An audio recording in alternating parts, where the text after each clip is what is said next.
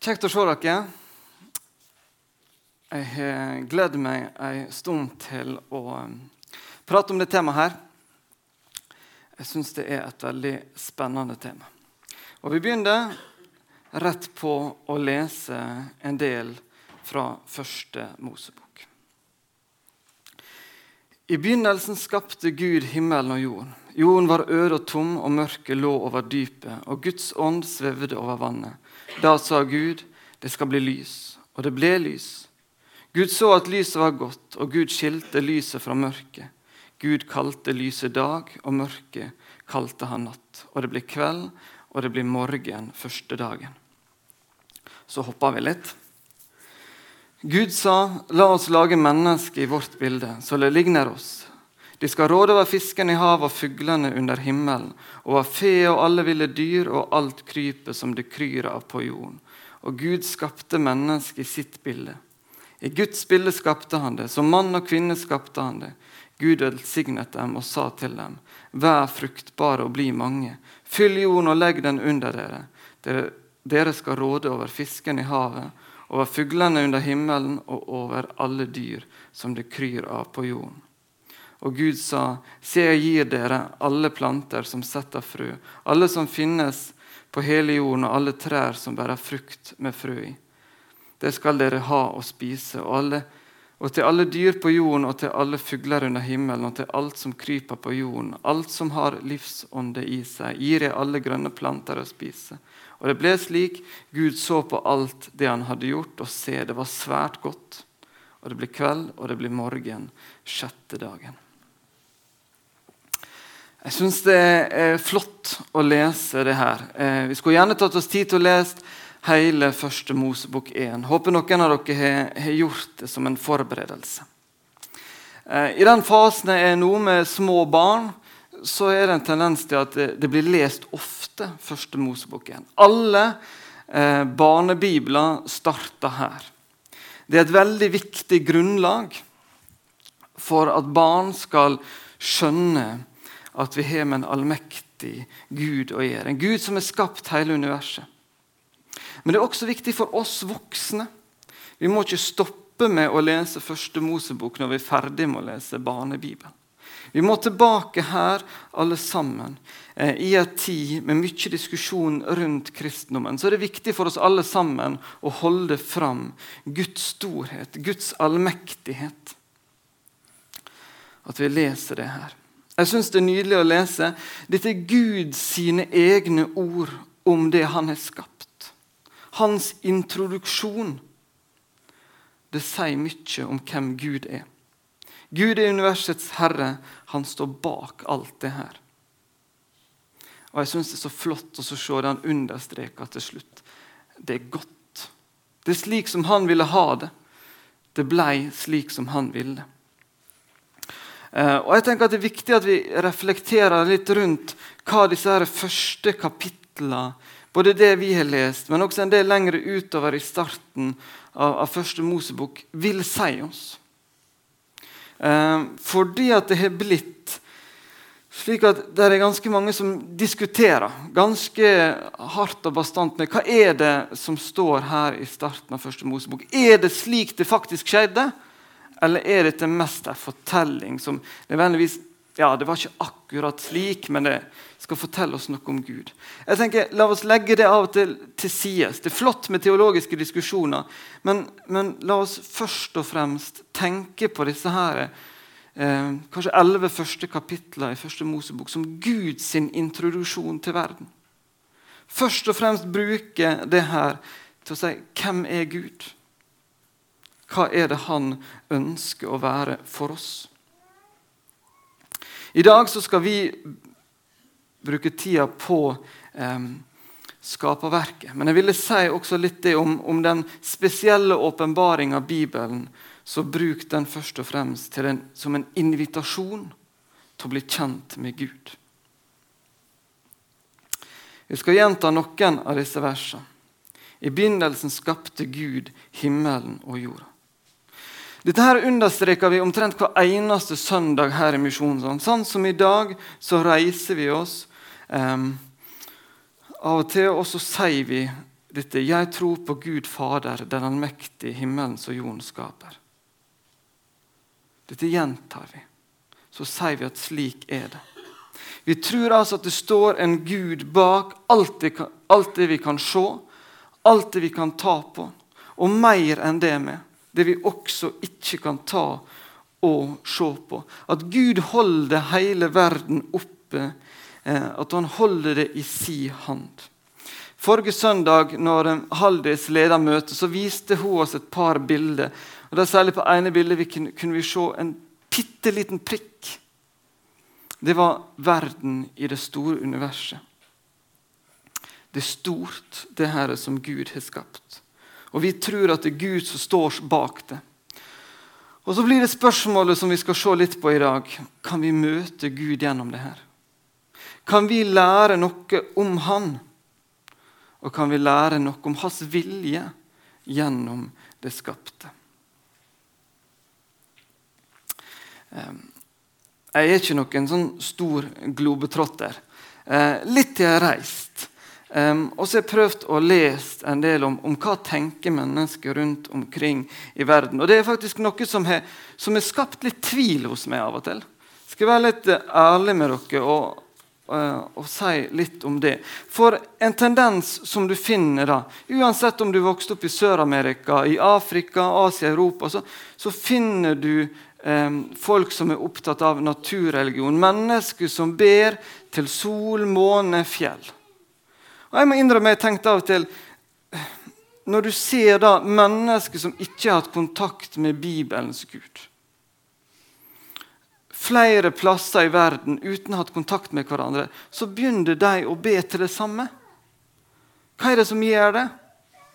Tenkte, kan det da være en Gud? Kan ikke det, kan ikke det da være noe i det her som de hva gjør at de finner eh, dette her ja, Finner det naturlig å begynne å be til skaperverket?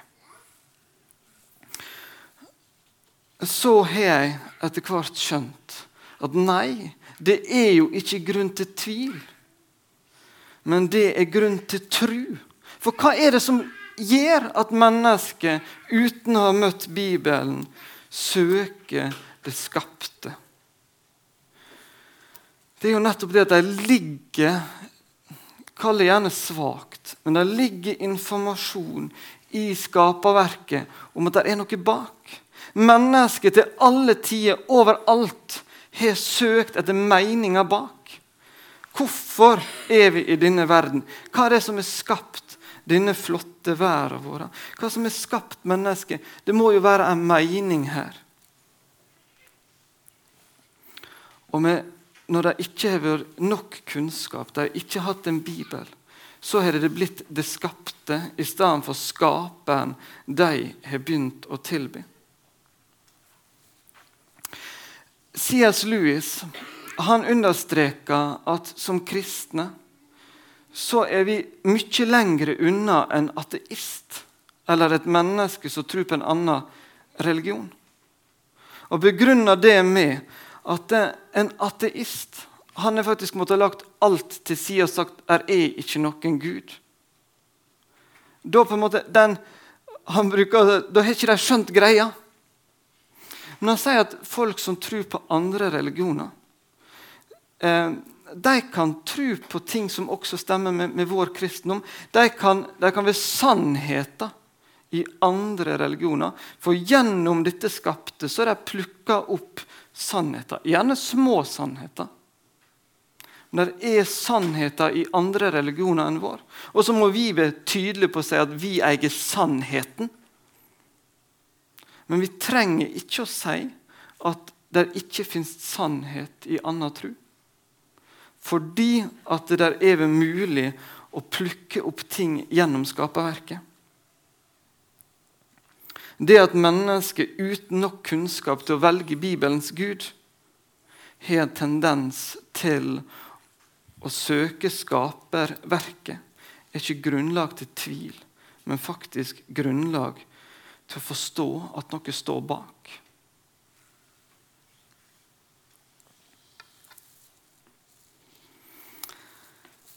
Gud sa La oss lage mennesker i vårt bilde, så de ligner oss.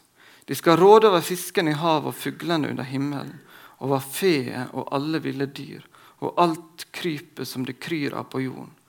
Og Gud skapte mennesket i sitt bilde, i Guds bilde. I Guds bilde skapte han det, som mann og kvinne skapte han dem.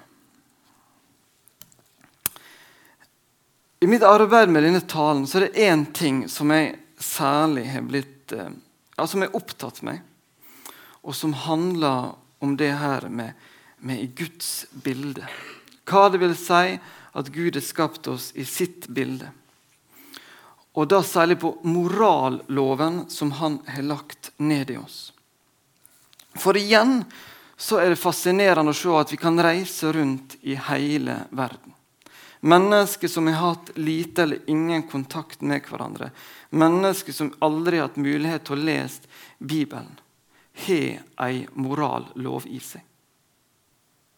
Og den er overraskende lik.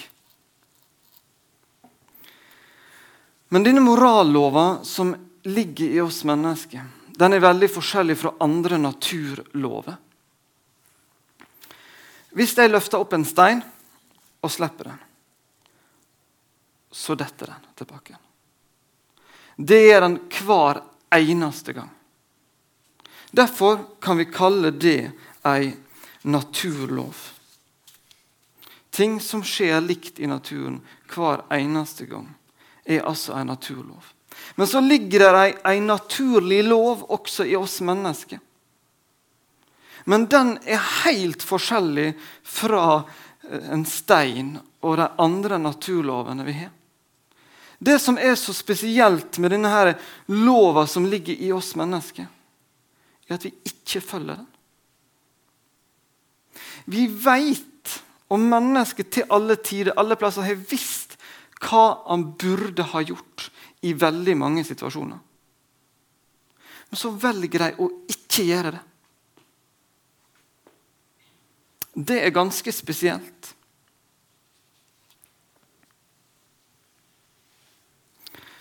Men det at vi har denne naturlova i oss, eller morallov om du vil, er veldig viktig for samfunnsoppbygninga vår. Et sånt eh, bevis på, på å se hva denne her har gjort for oss. Eh, et omtrent samla verden samla, altså seg mot Tyskland under andre verdenskrig og sa at dette må bli slutt på. Han mente at det Tyskland drev med, det nazistene drev med, det var ikke greit. Det var moralsk forkastelig. Tyskland representerte en urett som måtte ta slutt. Hvor kom denne ideen fra? Det var både religiøse og ikke-religiøse mennesker samla seg rundt det at dette går ikke an. Vi må få slutt på det som Tyskland driver på med. Jo, det er fordi det ligger en morallov i oss. En lov som vi vet vi bør adlyde.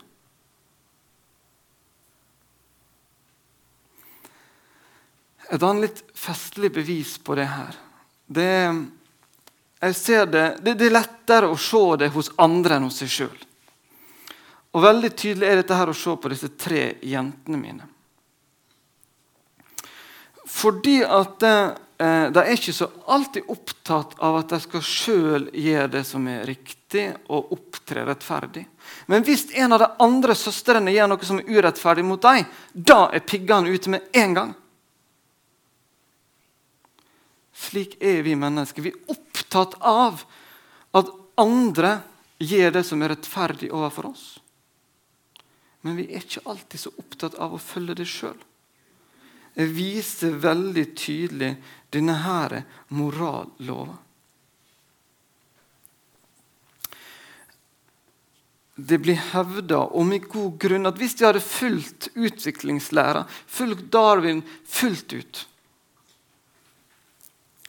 så forsvinner det meste. Det forsvinner faktisk alt grunnlaget for mellommenneskelige verdier, for en moral. Da er det faktisk ikke mer moral igjen. Hvis alt var tilfeldig, og det var bare den sterkeste som overlevde, så ville moralen være vekke. Men når vi ser at det er ikke slik at moralen er vekke hos mennesket Der er en morallov i oss. Hvor kommer den da Det kommer fra noe som Gud la ned i oss.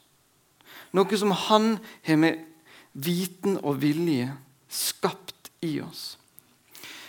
Vi føler trykket av denne lova ganske så tydelig. Jeg er ikke sikker på at dere tenker over hvor tydelig dere kjenner dette trykket fra den lova. Men er dere sammen med mennesker og merker at dere oppfører dere kanskje litt dårlig, dere er litt sure, litt vanskelige, så kommer vi med unnskyldninger. Og så sier du ja, jeg er litt trøtt i dag. Eller jeg er sulten. Derfor så gjør jeg litt dumme ting. Men de dagene vi er veldig hyggelige og greie, kommer vi med unnskyldning da? Nei, da tar vi æren for dette sjøl.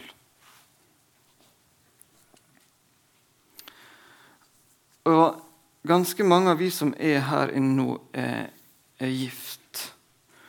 Og Vær litt ærlig med deg sjøl og tenk på Er ikke det slik at du eh, litt for ofte er opptatt av hva ektefellen din burde ha gjort? Kanskje når det gjelder husarbeid, kanskje overfor deg sjøl? Mer opptatt av det enn at du er opptatt av hva du burde ha gjort. Dette handler om ei morallov som ligger der.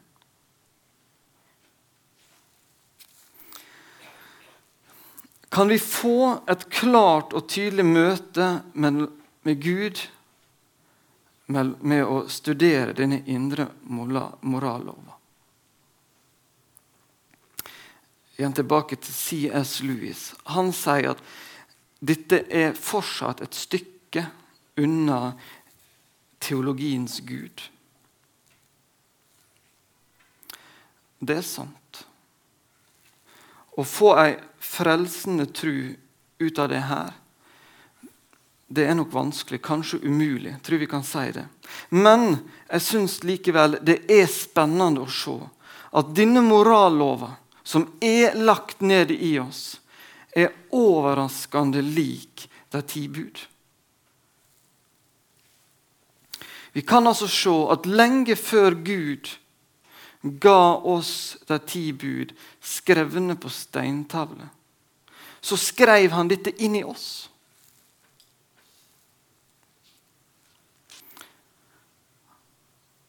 I skapelsen av meg og deg så har han lagt noe av sitt ønske inn i oss. En skaper med sjel har gitt oss noe av si sjel. I Romerne 1,19 så står det For det en kan vite om Gud, ligger åpent foran dem. Gud har selv lagt det åpent frem. Hans usynlige vesen, både hans evige kraft og hans guddommelighet, har de fra verdens skapelse av kunnet se og erkjenne av hans gjerninger. Paulus er ganske tydelig han sier faktisk at du har egentlig ikke grunn til å si at det ikke er en Gud. Bare gjennom skaperverket så vi, bør vi skjønne at det er en Gud som står bak det her.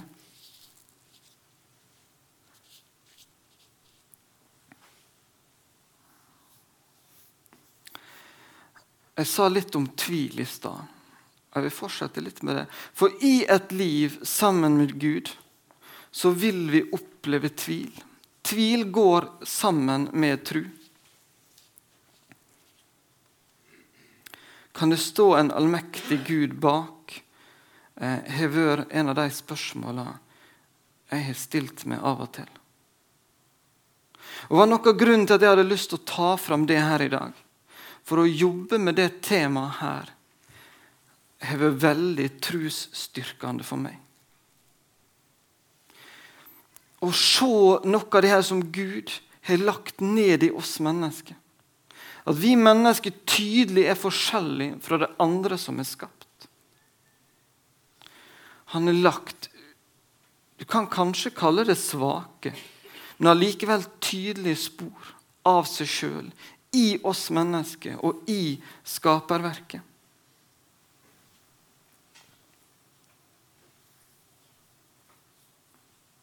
Han har lagt ned i oss en lov som sier mye om hvordan vi bør oppføre oss overfor oss neste, for våre neste. Noe av Bibelens budskap til oss ligger der i oss og har ligget der i alle mennesker til alle tider. Sigvard Dagsland synger i en sang som heter 'Himmel'. Synger han bl.a. dette her. Det fins en strofe så alle kan. Den bor lengst inne bak det blå i hvert øye. Den hviler trygt over jordens land, fra hav til fjell, suser ved lyng og vann. Den lyder best under trange kår. Den er et ekko av Guds drømmer i det høye. Den stryker mildt gjennom kongens hår når dagen er endt og han kjenner om hjertet slår. Og opp fra sultens hær av mennesker på vandring stiger strofens enkle ord. Himmel. Sigvard Dagsland kaller det himmel. Jeg vil kalle det Gud. Litt en annen plass i sangen så skriver han om at dette er et ekko. Jeg er slitt med hva ord jeg vil velge, men jeg vil si at det er langt tydeligere enn ekko. Skaperen står fram for meg som et tydelig bevis.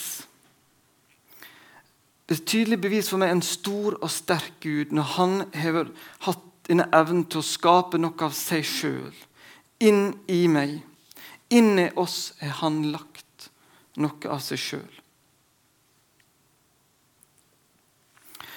Å bo midt i et fantastisk landskap som vi gjør her på Sunnmøre, gir oss mange sterke opplevelser.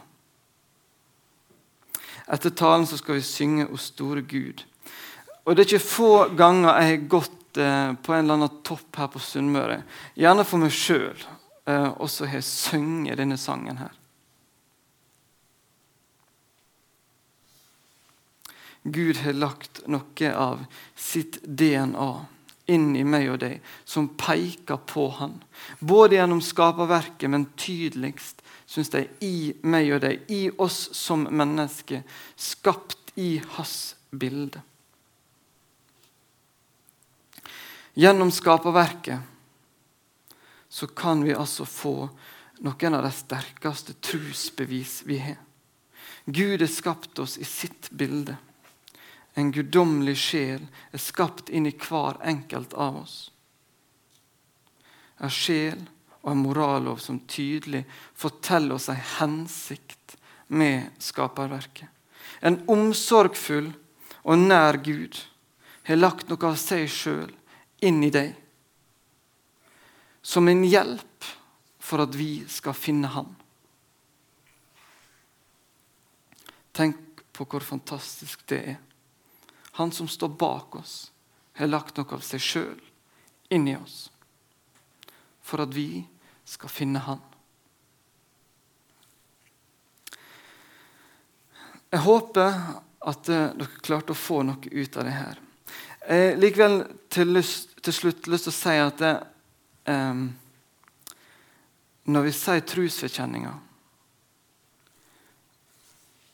så sier vi langt mer enn bare at Gud skapte denne verden. Og Et liv sammen med Jesus det handler om å stille seg bak alt vi sier i trosbekjennelsen. Det jeg har snakka om i dag, det kan ikke stå alene. Men jeg hadde lyst i dag til å sette fokus på noe som kanskje litt sjelden får fokus. For jeg mener at det vi har tatt for oss i dag, kan gi oss et grunnlag til å i større grad forstå det nytestamentlige budskapet til oss. Jeg håper at du kunne forstå det. At Gud i skaperverket og i oss, så har han lagt ned noe av seg for at vi skal lettere finne Han. Kjære himmelske Far. Takk for at vi skal få lov til å vite at du har skapt alt vi ser, og også det vi ikke ser. At du har skapt oss i ditt bilde. Og Jeg ber kjære Herre, om at du må hjelpe oss til å se det. At se at du har skapt hver enkelt av oss med en hensikt. Du har lagt dette ned i oss, og at vi skal få ta det som et bevis på hvem du er, og på hvem vi er. Ber om at Din Hellige Ånd må vise dette tydelig for oss. Amen.